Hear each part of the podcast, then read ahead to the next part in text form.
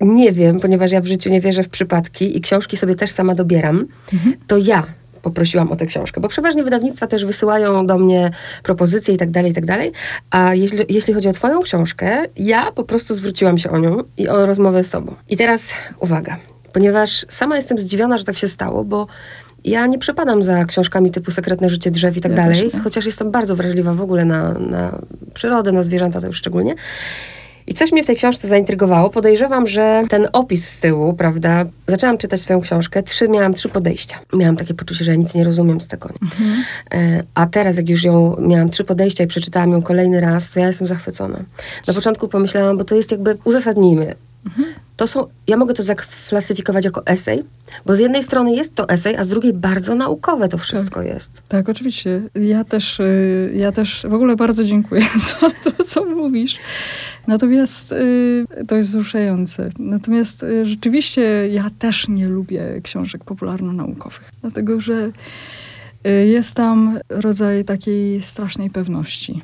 Znaczy, że ludzie, autorzy, zauważyłaś, objawiają prawdę a ja mam ten problem, że ja wątpię we wszystko. Dosłownie we wszystko. Nawet te swoje wyniki, w którym tam powiedzmy mam coś, coś widzę, bo wiem, że większość zostawiam ze sobą jako, jako nieopisywalne. I nawet nie chodzi o to, że nieopisywalne dla języka nauki. W ogóle nieopisywalne. Brakuje nam języka, naszego języka. Humanistów też. Więc jakby no, y, szukam rzeczywiście gubię się w tym wszystkim bardzo mocno. I dlatego to Kołakowski powiedział, że każdy naukowiec czuje się trochę szarlatanem. Więc myślę, że nie tylko naukowiec, ale też i poeta, i, i, i każdy inny człowiek czuje, że, że nie jest y, do końca. Tak. Patyki badyle. I zaczęłam myśleć o, wczoraj właśnie tak siedzę i myślę o tych badylach. I myślę mhm. nawet w poezji, jak są używane. Tak. Wszędzie, czy to w kartoflisku ustaw. To wszędzie ten badyl jest zawsze blisko śmierci tak. i blisko właśnie, że jest zeschnięty, uschnięty, mhm. to jest jakby razem. A ty mi pokazujesz, jest w ogóle jedno, jedno zdanie, które tu bardzo lubię zaraz na początku, muszę je zacytować. W ogóle te, te, ten wstęp jest cudowny. Bo w konarze jest schowany badyl, w badylu jest gałąź, ta sprzed roku i kijek sprzed kilku lat, a jeszcze głębiej siedzi cicha gałązka. I pokazujesz mi po pierwsze zupełnie inny badyl, co w nim siedzi, a po drugie badyl, który nie jest uschnięty, tylko żyje. Tak, oczywiście. I jakby to są pewne rodzaje, prawda, jakichś językowych form opisu, które no, są nacechowane też emocją. I rzeczywiście badyl jest, jest czymś y, kiepskim ale też y, śmierć, która w tej książce bardzo często występuje. I, i też jakby dopiero od niedawna, prawdę mówiąc, od kilku lat doceniam rzeczywiście moc języka. Rzeczywiście mo język może zmienić świat.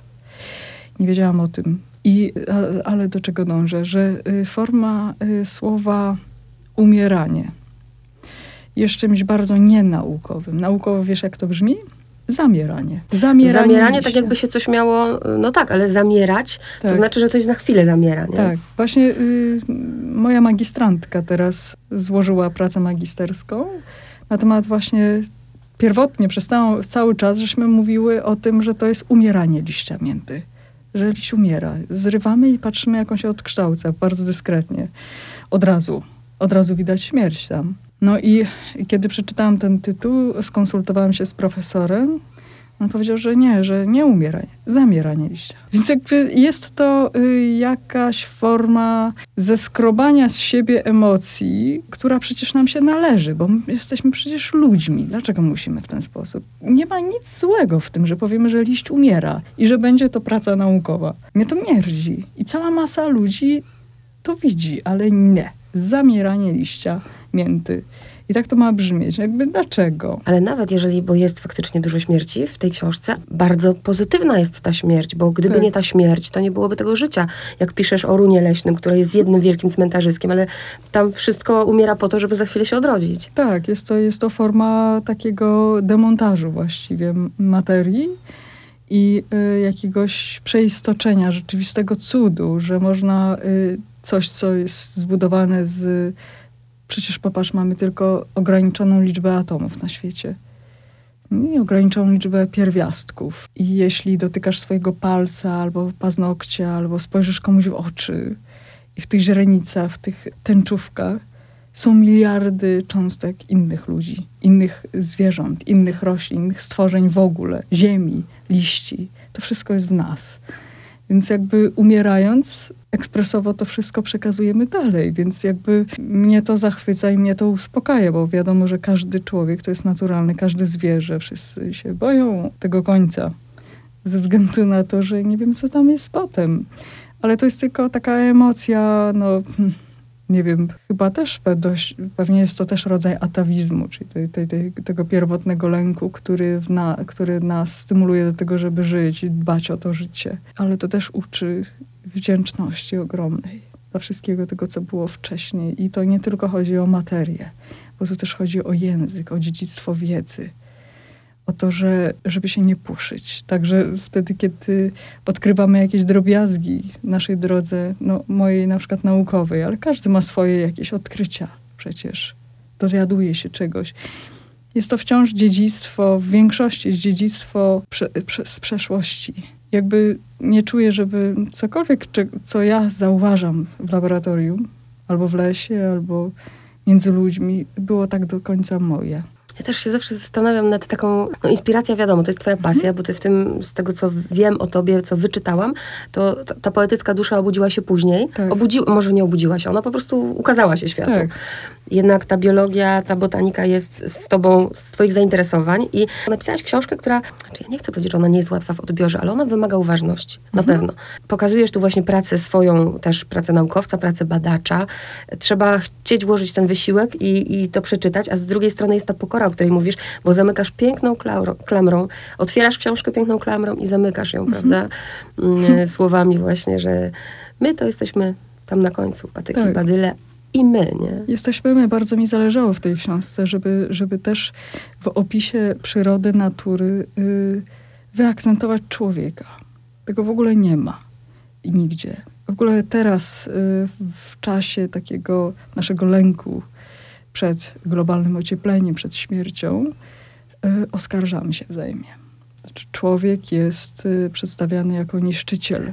Ja mam w, z tym pewien problem, dlatego że zarówno ze strony przyrodników, ekologów, jak i ze strony leśników, jak i rolników, rolników ekologów. Wszędzie mam przyjaciół. I widzę, jak oni często siebie wzajemnie nienawidzą. Więc jakby ja nie wierzę w to. Wewnętrznie mam opór. Nie można być obrońcą, miłośnikiem, kochać naprawdę całym sercem naturę i nienawidzieć człowieka. Dla mnie jest to w sprzeczności.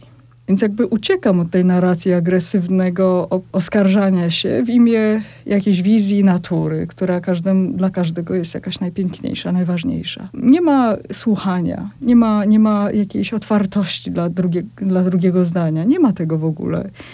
Więc y, zależało mi na tym, żeby właśnie nie robić tego, nie oskarżać człowieka. Szczególnie, że sądzę, że ponad 90% społeczności Homo sapiens jest niewinna. Czemu są winni ludzie?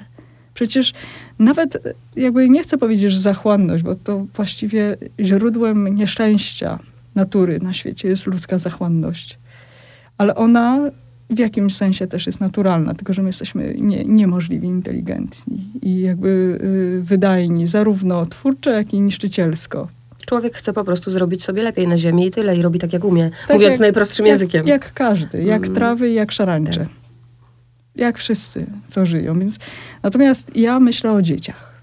Ja myślę o dzieciach, żeby ta narracja taka, która już zaraz, już za chwilę naprawdę się wypali na długo w literaturze, jakby w takim jakiś, jak to się mówi, w dyskursie publicznym, że człowiek jest niszczycielem, bo ja myślę tak, że człowiek, który rzeczywiście czuje winę Ponieważ y, powiedzmy, że ja jestem oskarżona o to, że jestem niszczycielką ziemi, dewastatorką.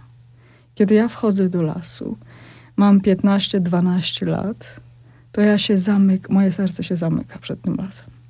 Ponieważ ja jestem winna. Mhm. Ja nigdy nie poczuję nic głębszego i ja nie będę chciała studiować, bo ja chcę chronić siebie. I to jest naturalna reakcja człowieka, tak? Jeśli ktoś jest to chyba Franklin powiedział, że zraniłem kogoś i wtedy zacząłem go nienawidzieć. Jakby poczucie, mhm. prawda, winy, krzywdy wobec jakiegokolwiek istnienia spowoduje, że rzeczywiście ja się w najlepszym momencie wyłącznie tylko zamknę. Natomiast na pewno będę nieczuły. I teraz, co my robimy z językiem? Człowiek jest naprawdę wszędzie, w każdej prasie. I to mówi się ludzkość, ludzie. Ja się nie zgadzam z tym. Znaczy, ja wiem, że jest naprawdę źle. Ja wiem, że naprawdę z ziemią jest bardzo źle, ale zastanówmy się nad językiem. Zastanówmy się, co zrobić z dziećmi, bo to, to dzieci, nie my, dzieci zmienią to, tę ziemię. Więc odpuśćmy im.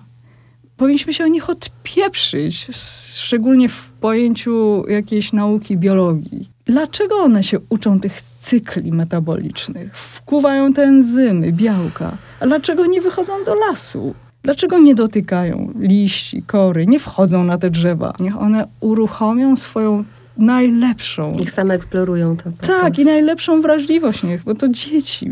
Przypomniałaś mi, bo ja się wychowywałam na wsi i przypomniało mi się, jak nie było jeszcze zbyt wielu zabawek, miałam papierowe lalki. No właśnie. I bawiłam się w sklepik, zrywając właśnie chwasty. Tak. I robiłam, prawda, takie zrywałam, ja, takie, ja takie. Też robiłam. Brzuszki, pamiętasz brzuszki, które się jadło? My to takie... mówiliśmy chlebki. Chlebki, Boże, brzuszki, chlebki. Wiesz, co to są chlebki? Ja no. już wiem, co to jest. No właśnie. Ja Ślas zaniedbany.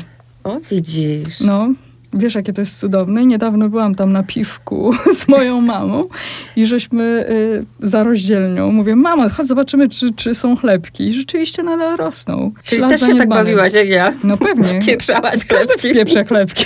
Nie wiem, czy teraz. Nie, teraz nie. No właśnie. Teraz się wpieprza hot dogi. Jezu. A, a, gdy spotykasz się, bo jak dziennikarz, prawda, jakikolwiek umawia się i mówi, tak. to mnie też denerwuje, bo wysłuchałam kilku rozmów, które, mm, które już przeprowadziłaś, czy które z tobą przeprowadzono i nie wiem, dlaczego ja się tak zrzymam, jak słyszę, że napisała pani tę książkę, żeby uwrażliwiać na przyrodę. No, y. Ja tego tak nie czuję. Ja też nie. Nie, nie, nie, nie mam poczucia Ale misji. nie bronisz się wtedy? Nie bronię się, no bo nie chcę też jakoś y, jakby zmieniać punkt odbioru tej książki. Jakby każdy ma prawo myśleć po swojemu. Mhm.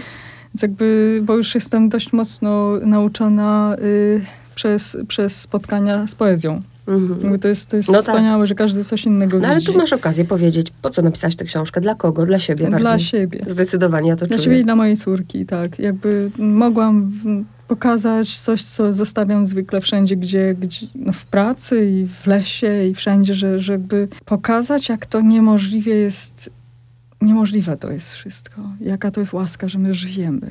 I że to jest bardzo skomplikowane, a jednocześnie, kiedy człowiek przygląda się temu, na takim drobiazgom, że można się tam zgubić, a jednocześnie, że to jest fantastycznie proste i dobre że to jest dobre, że możemy dotykać tego, że wszystkiego możemy dotykać. To jest tak niemożliwe z punktu widzenia w ogóle jakiejś przyrody, bo bardzo często dotyk rozmaitych żywych obiektów kończy śmiercią. A my możemy dotykać kory. Możemy zrobić sobie dół w ziemi i sobie tam posiedzieć w tym chłodzie. To jest, to jest, niby to brzmi niemożliwie prosto, ale jakie to jest fajne. I że, że jakby chodzić po lesie, rozłożyć koc, albo nawet położyć się na tych mrzakach, wstać, a im się nic nie stanie. One sobie poradzą. One sobie poradzą. Jakby, no, to jest takie jakby, nie, no super, to jest piękne, że to wszystko jest takie bliskie i my też jesteśmy tego częścią. No to, to jakby ciągle czuję, jakby, no ja wiem, że to mogą być jakieś formy egzaltacji, ale jakąś taką łaskę niemożliwą. To, że jesteśmy przez ten nano ułameczek y, istnienia tu. A ja właśnie nie czuję egzaltacji, jak czytam, czuję ogromną pokorę. Trzy rzeczy mnie, a jako laik naprawdę, mhm. wyjaśnij mi. Dobra. To jest właśnie cudowne w mojej pracy, że ja mogę pytać to, czego nie wiem. Dwie rzeczy mnie zaskoczyły. Mm, pierwsza to taka, ja się sama przytulałam do drzew. Wierzę w coś takiego, prawda, że drzewo ma energię. I pierwsza rzecz, która mnie zaskoczyła, że piszesz, że można się przytulać do drzewa, które jest już martwe. Mhm. A z drugiej strony pocięte kawałki drewna żyją. Weź, tak. mi, weź mi to wytłumacz jeszcze prościej. Mhm. Chodzi o to, że, że to dokładnie, czego dotykasz, yy, przytulając się do drzew, jest martwe. I ono musi być martwe, żeby rzeczywiście chronić y, drzewo i żeby nie było czułe. Czyli jakby tak jak ludzie, nie wiem, zapijają się na śmierć, albo jakoś znieczulają się narkotykami, albo czymkolwiek, wpadają w jakieś nałogi po to, często, często to dotyczy, dotyczy ludzi, którzy naprawdę już nie mogą znieść życia na trzeźwo, dlatego że są tak wrażliwi. Często tak jest. Ja nie Mhm. mówię o jakichś nałogach strasznych, ale że ja rozumiem tych ludzi, dlatego że drzewa robią dokładnie to samo. Znaczy znieczulają swoje ciała przez śmierć. I Kora jest w Tygodniku Powszechnym, teraz najnowszym, wiesz, jest o tym mowa. Kora popełnia samobójstwo, znaczy kiedyś była łykiem. I e, łykiem, czyli taką tkanką ultra czułą, taką folijką nawodnioną, która przewodzi przede wszystkim cukier, jest żywa.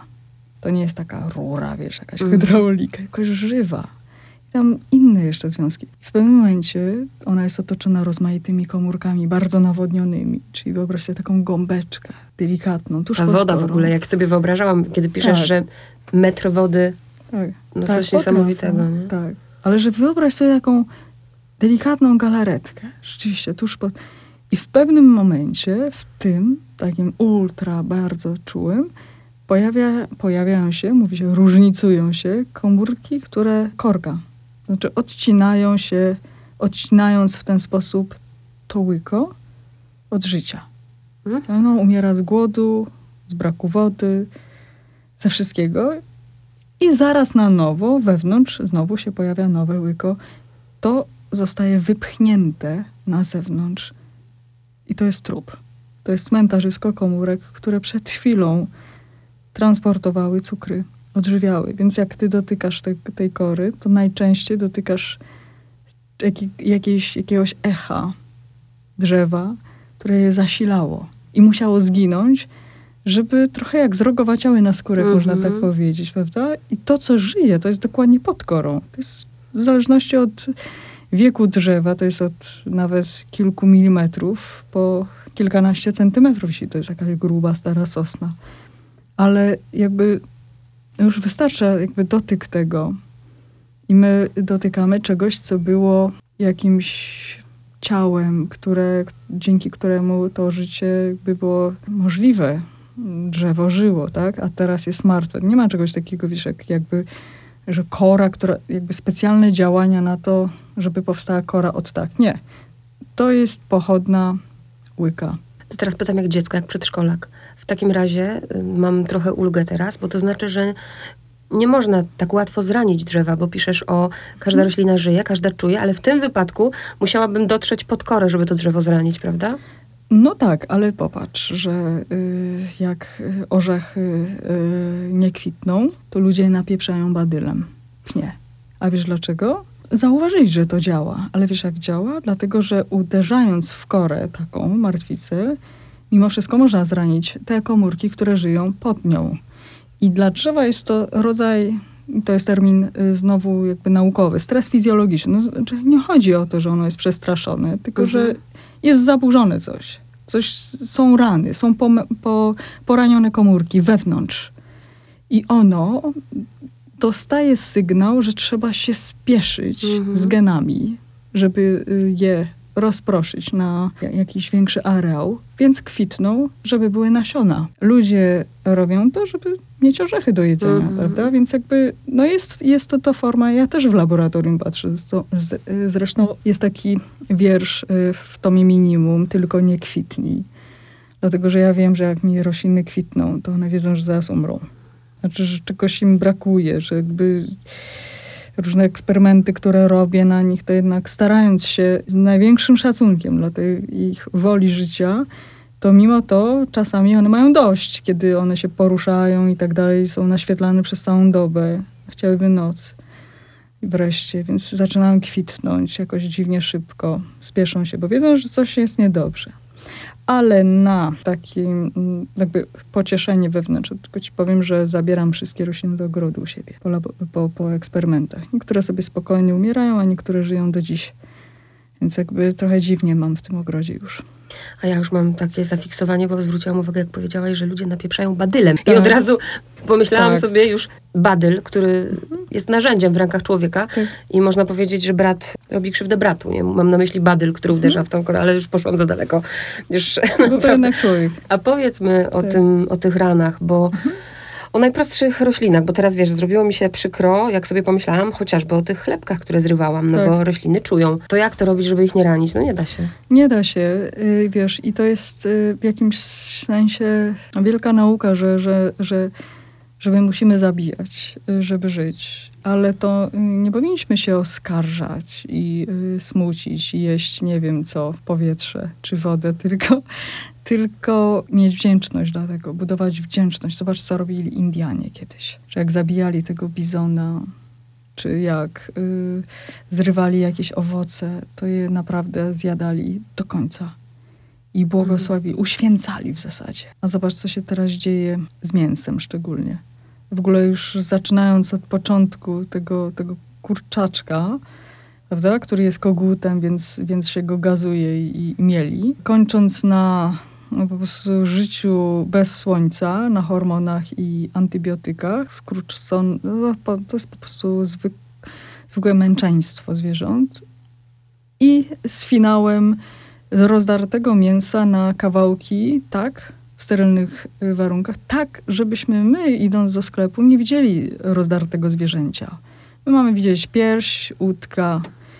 Jakby gdzieś się to gubi y, potwornie i zgubiło. I to nie, jakby, to nie chodzi o to, byśmy rzeczywiście straszliwie cierpi, cierpieli, jedząc y, sałatę czy marchew, która żyje i która o dziwo, te wszystkie rośliny o dziwo w ciągu 3-4 minut już mają pozatykane komórki floemu, bo się bronią także w, naszej, w, naszej, w naszych ustach, w żołądku. Jesz, jeszcze tam mm, są reakcje. Natomiast tu chodzi o to, żeby mieć, mieć wdzięczność dla tego. Wdzięczność mhm. taką niemożliwą i szacunek dla tego wszystkiego, prawda? A, a, tego w ogóle nie ma. Nie ma żadnego ducha w tym. Ale opisujesz też, jak badasz. No to ty, która ma świadomość tego wszystkiego jeszcze 100 razy większą, cierpisz, jak musisz tak. nawiercić. No i bardzo. Bardzo i bolą mnie fizycznie. Wiesz, że to jest możliwe, jak na przykład kończę jakiś eksperyment i roślina mi umarła, ale wiem, że jakbym się tak straszliwie postarała przez tydzień, dwa, to być może jakiś liczby odbił, a ja muszę go dać do utylizacji, to mnie ręce bolą. Jest fizyczny ból, kiedy to oddajesz. I jest też, no w ogóle regeneracja mnie roślin po ranach y, rozmaitych y, interesowała od samego początku pracy. I w tej książce jest taki y, tekst, akurat mi się przypomniało, dlatego że wydawnictwo to zaznaczyło, jakoś puściło to na Instagramie, że, że mm, wiem o tym, że wierzby, wierzba biała, odznacza się taką niemożliwą zdolnością regeneracji. Że to jest wniosek bardzo wzruszający, ale dla mnie osobiście też w jakimś sensie okropny. Wiesz dlaczego? Bo co się musiało wydarzyć, żebym ja wiedziała o tym, że ona ma ogromną zdolność regeneracji. Co ja musiałam jej robić. Więc robiłam jej wszystko. Cięłam pędy, wyżynki te na, na 15-centymetrowe pędy. Wyobraź sobie takie kawałeczki gałązek, Wkładasz to w piach i nacinasz łyko. Nacinasz y, w sposób skośny, podłużny, robiąc spirale. Obracałam te pędy też, wiesz, na takim maszynie, żeby zobaczyć, czy grawitacja y, działa, czy odchylałam y, o 180 stopni, cała masa rozmaitych rzeczy i co? I za każdym razem drzewo puszcza młode liście. I co robiłam na koniec? Tak dużo tych eksperymentów było, że nie było szans tego wysadzać wszystkiego na kampusie, chociaż to robię, rektor o tym nie wie, że będziemy mieli gaj wierzbowy niedługo. Dawałam je do utylizacji, te młode liście. To jest o, e, jakby kontrast podejścia naukowego, które wymaga ode mnie wielu powtórzeń, ponieważ to jest życie, to nie jest, wiesz, most, mechanika ja wykonam kilka prób i powiem jednoznacznie, tak, to jest prawda. Ponieważ rośliny żyją, więc mają prawo robić rozmaite psikusy. Czasami ci odpowie tak, a czasami nie. Wierzby za każdym razem regenerują się w sposób niemożliwy. To są, to są drzewa naprawdę nie, nie, niesamowite. Tylko, że nie wyglądają nigdy, szczególnie na starość, jak, jak jakieś okazałe wielkie drzewa rozłupują się ich pnie wnętrza, mhm. przewracają, a z tych przewróconych kawałków regenerują się nowe. Jakby to jest taka niemożliwość w tych drzewach. W ogóle są nieszanowane przez nas. Jakiś taki chłam, no. Kruche, nie będzie z tego desek. A to jest... Trzeba patrzeć na nie. Może jak sobie teraz pomyślę o rzeźbiarzu takim w drewnie, Lipa. który zadaje ból. No, znaczy, no, no. A z no. drugiej strony drew, drewno, bo rozmawiałam kieś z takim rzeźbiarzem, tak. mu się pracuje z nim, poddaje mu się jakby. Mhm. No tak, ale, ale, ale wolałabym tysiąckrotnie oglądać rzeźbę w drewnie niż w plastiku. Mhm. Ze zgrozą oglądam y, sztukę współczesną, która jest y, oczywiście wspaniałe rzeczy tam pojawiają się, ale teraz chodząc po plantach widziałam takie ekspozycje, no tak się zastanawiałam trochę, ale co z tym będzie po tym? To są tony plastiku. Co z tym? O tym nikt nie myśli. W ogóle ludzie tak jakby myślą tylko o tym, co jest dzisiaj, tu tak. i teraz. Nie, nie, myślimy w ogóle o, o przyszłości. A powiedz, to już takie pytanie, aż taką mam taką zachłanność dziecka, żeby cię pytać, bo mówisz o tej wierzbie, która mhm. od razu pomyślałam o człowieku, który bardzo dużo w życiu przechodzi, a jednak nic go nie złamie, umie sobie poradzić. Tak. Y, a jest taka, taka roślina, chyba jest, chyba wspominasz nawet o niej, taka najbardziej nieszczęśliwa. Arabidopsis. Dlaczego? Rzodkiewnik. To jest roślina modelowa.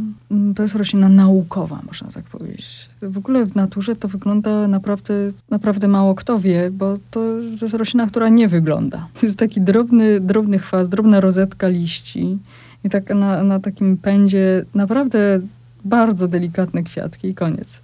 To jest roślina, która urośnie wszędzie, nie wybrzydza. Została uhonorowana y, rośliną modelową, czyli od 2000 roku znany jest cały jej genom, co oznacza, że naukowcy ją w nieskończoność urabiają właśnie genetycznie.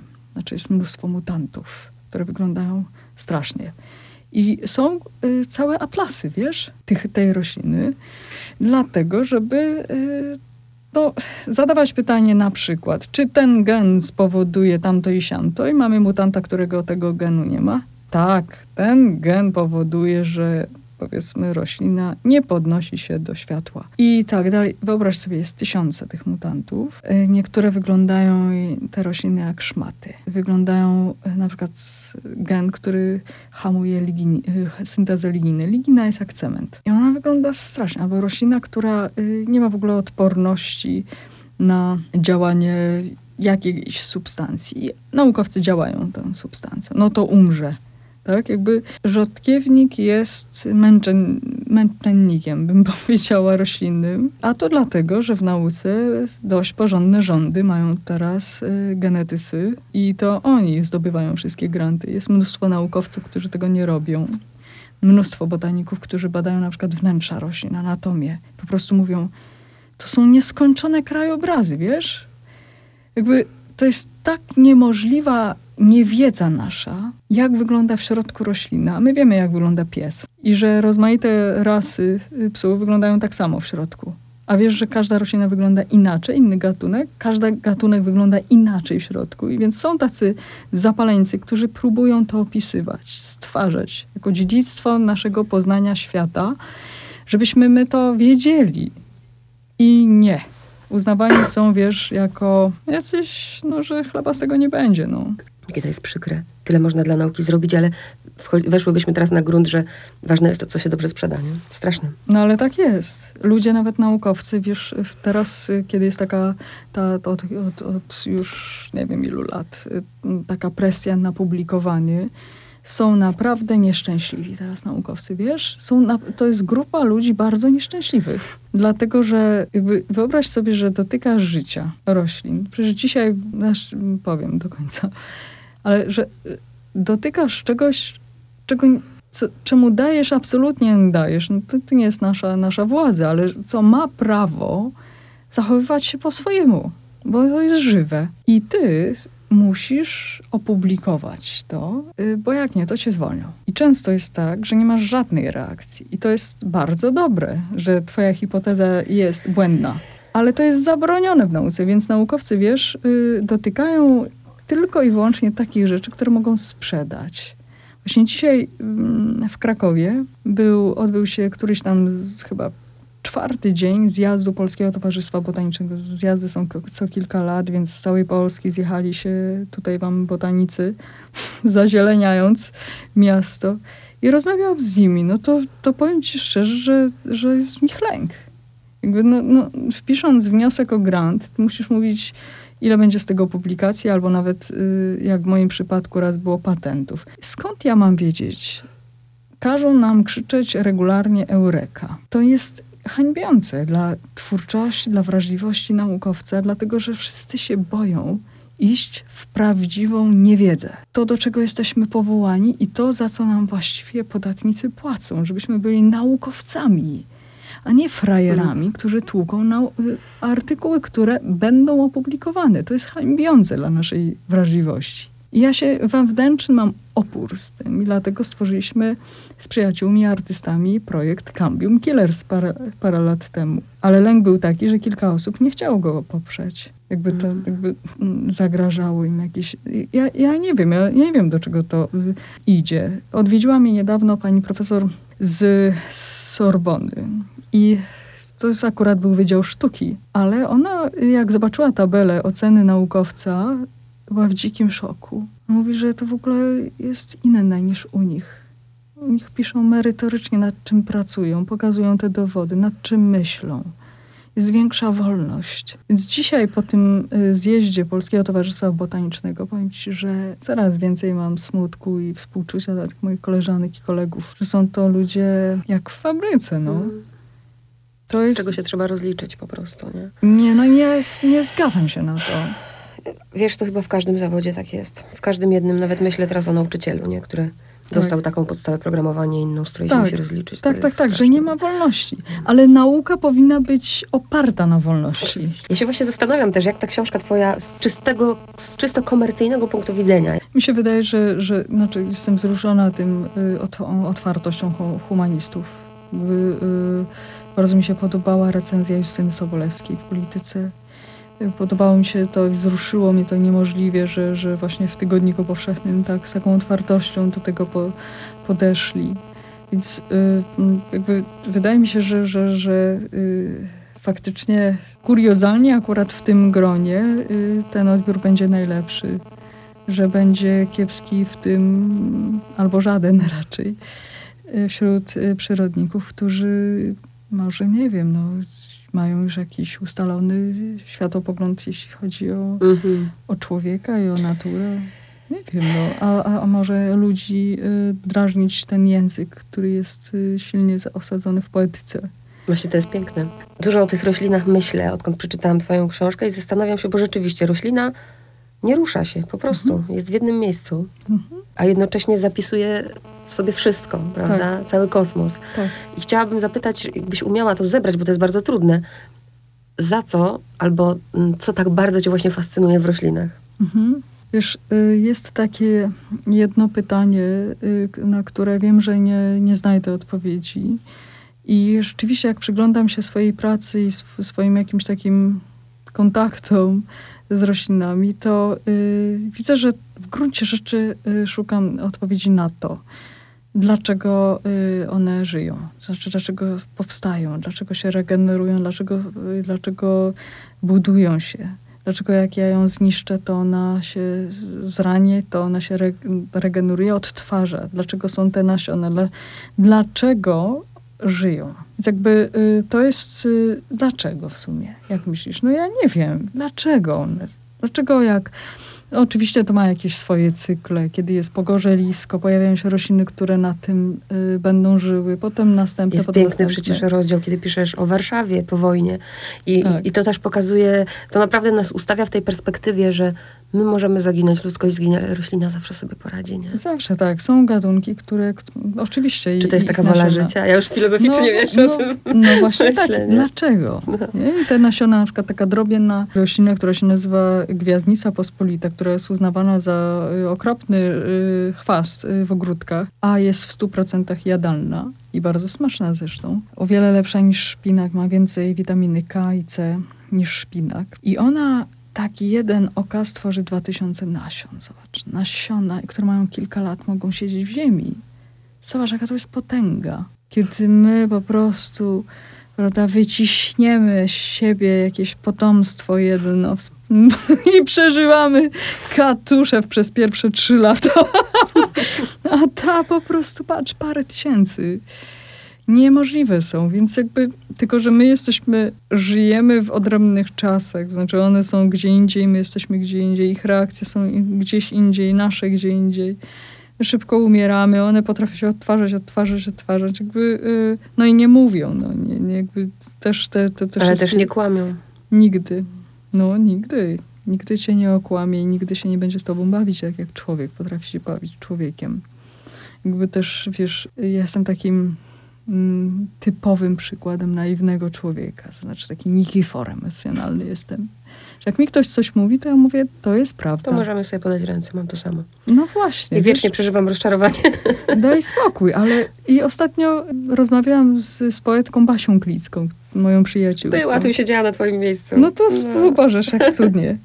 I wiesz, i ja mówię, wiesz co, ale może rzeczywiście tak nie jest. Może jak ktoś mi coś mówi, to może tak nie jest. A ona mnie gładzi po ramieniu i mówi, Ula, dojrzewasz.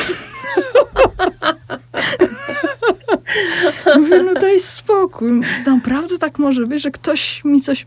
A to jest nieprawda, że ktoś się mną bawi? No tak. Ale wiesz, ja czasem, jesteśmy w tym samym wieku, czasem sobie myślę, dalej w tej naiwności jestem i chyba nie, ja nie chcę się zmieniać, wiesz? Ja Bo gdybym miała rozmawiać z drugim człowiekiem, zakładając od razu, tak. że on nie chce skrzywdzić, że on nie chce okłamać, tak. to to bym nie podejmowała w ogóle tej tak. szczerości, którą mam. Nie? Oczywiście, bo to jest forma ochrony przed bólem, mm. ale to też jest znieczulenie wobec dobra i otwartości człowieka, który jest. Większość jest dobrych i, do, i naprawdę wspaniałych ludzi. I ja nie chcę z tego zrezygnować. Ja naprawdę wolę po prostu trochę pocierpieć od czasu do czasu, ale jednak mieć y, serdeczną, cudną, dobrą, otwartą e, relację z człowiekiem, który mi ufa i ja mu ufam bezgranicznie. Wyłącznie, tak jak Kołakowski mówił, przyjaciele przede wszystkim. Ja się z tym zgadzam, absolutnie idę w ogień.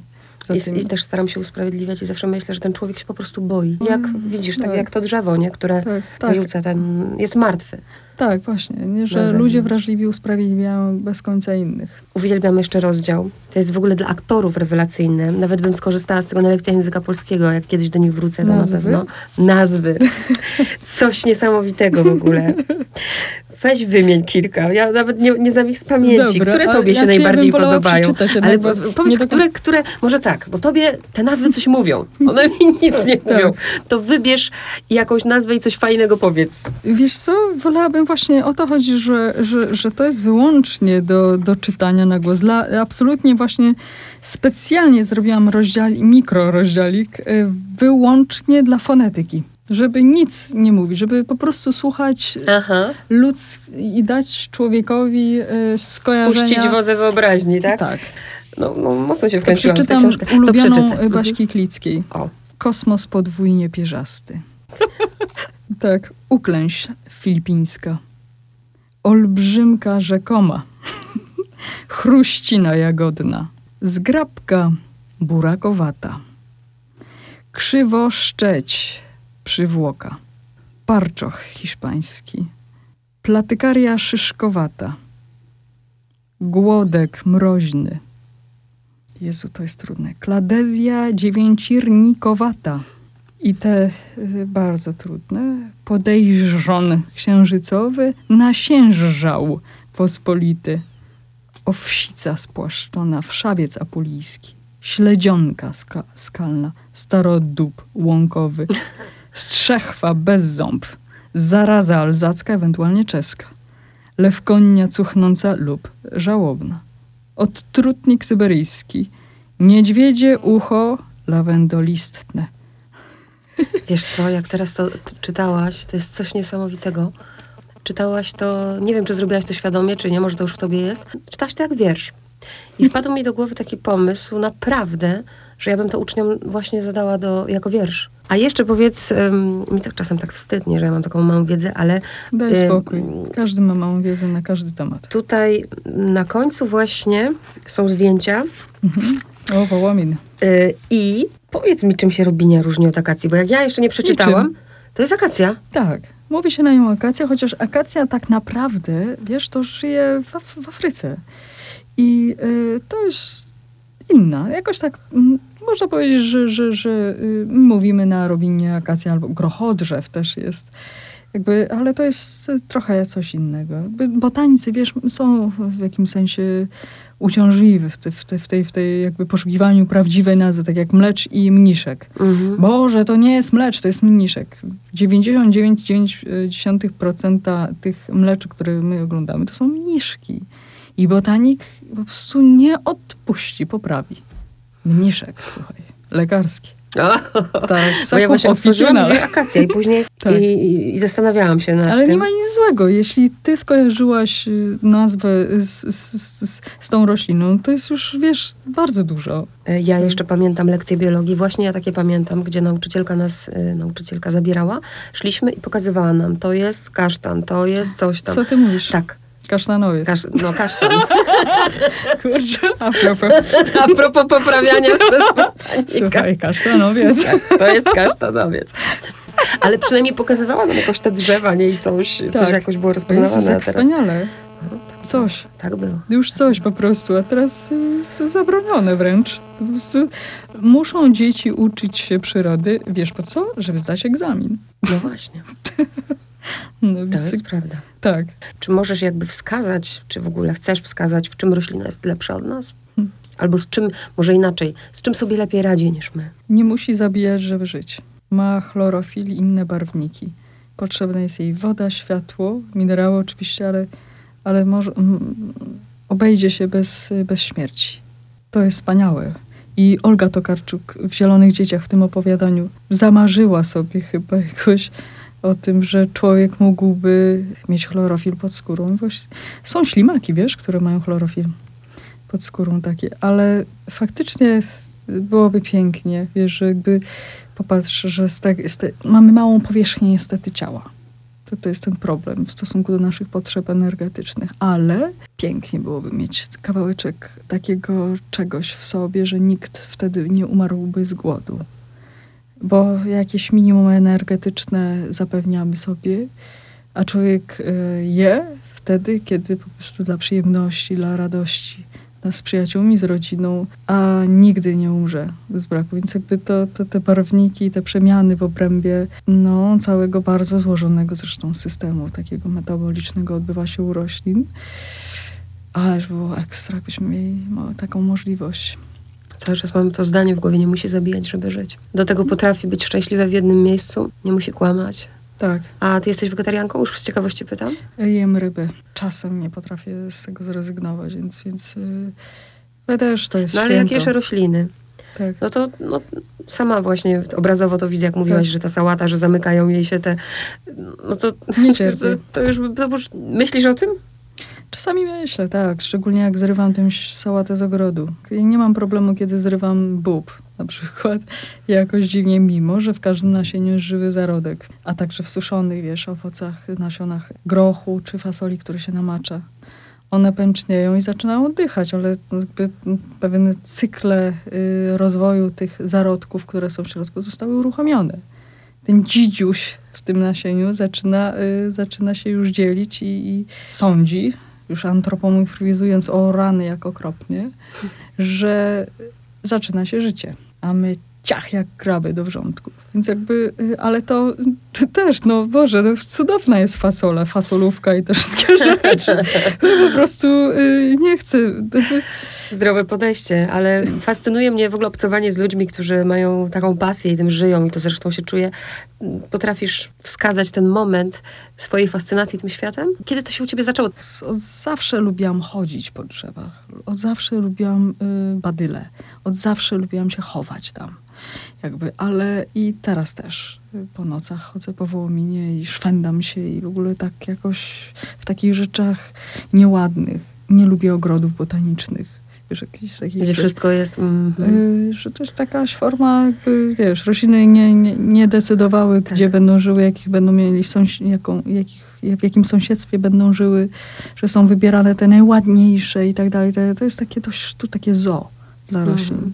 E, ale y, chyba dopiero wtedy, y, kiedy dostałam taką samodzielność y, w pracy, to znaczy zaraz po studiach zaj- zajęłam się doktoratem, bo wiedziałam, że kocham to, ale taki zew takiego, takiej absolutnego oddania poczułam wtedy, kiedy miałam wolność. To znaczy, kiedy ja y, badałam sosny po zranieniu i wiedziałam, wymyślałam sobie sama, że opiszę je jak, jak góry, które, które y, narastają w trakcie ruchów prawda, lądu lądu. Jakby wtłaczających się na taką ranę, bo tak to się odbywało u starych drzew. Dopiero wtedy, kiedy rzeczywiście stworzyłam tę mapę przestrzenną, bo rzeczywiście ten doktorat wygląda jak, jak, jak y, praca z geodezji, wiesz? Jakby góry, doliny i przyglądałam się takim szczególikom, y, jak się to działo przez 30 lat, kiedy niemal stuletnie sosny po zranieniu odtwarzały swój pień, to wtedy wiedziałam, że, że coś potrafię, że coś mogę i że mam wolność i że moi profesorowie mi ufają, że yy, jakaś jest, wiesz, taka, to jest niesamowite, taka niewypowiedziane zaufanie, że ty yy, zostań tu, ty z nami pracuj, ty coś możesz tutaj do tego stopnia, że jeszcze za czasów studenckich piszą, kurczę, sobie myślę, Jezus, jaki bezczelny mały człowiek byłam. Słuchaj, pani profesor Leokadia Witkowska-Żuk, która mnie uczyła roślin, powiedziała, zrób e, taki kalendarz dat botaników, y, w ogóle albo wydarzeń botanicznych, czy, czy, czy związanych z ludźmi, ponieważ mamy taki ogromny, tysiącletni wyżynek Y, drzewa, więc, więc sobie zrobimy taki kalendarz, co się kiedy dla botaniki wydarzyło. To jest taki dość znany motyw, zresztą Herbert bardzo piękny wiersz o tym napisał. Studiowałam to, y, pisałam, prawda, no naprawdę mocno się przy tym napracowałam, ale to była naprawdę gruba lista, ale w roku 1978 napisałam urodziła się Urszula Zajączkowska. I dalej tam, wiesz, rozmaite inne rzeczy. Boskie. I, o, I ona wszystkim to w zakładzie pokazała i był ogromny, serdeczny po prostu śmiech tych wszystkich y, moich profesorów. Więc to było, y, wiesz, jakby taki żarcik, y, ale, ale tak. Świetny po prostu. Ale... To jest bardzo ważne, myślę, dla botaniki. Słuchaj, bardzo ci dziękuję. Życzę ci życzę Ci właśnie tej wolności, żeby nie wiem, coś mhm. się w tym kraju zmieniło, żebyś mogła tak. badać to, co chcesz.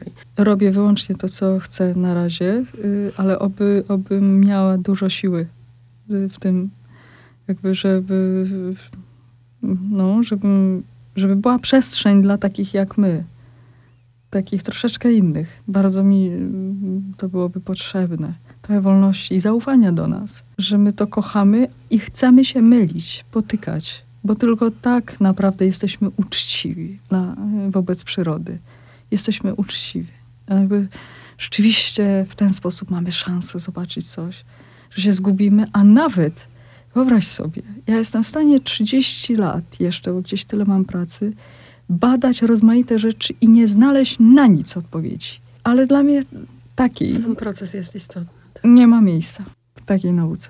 Więc jakby dlatego cieszę się, że, że jest jeszcze wiersz, poezja, literatura, że można mm, rozmawiać o tym, to, to, to jest bardzo ważne. I że są ludzie, którzy przynajmniej y, powiedzą, że to rozumieją. To, to już tak jest. Wiesz. Albo chcą zrozumieć. No właśnie, i że to jest dowód, że wiesz, że człowiek jednak nie zwariował.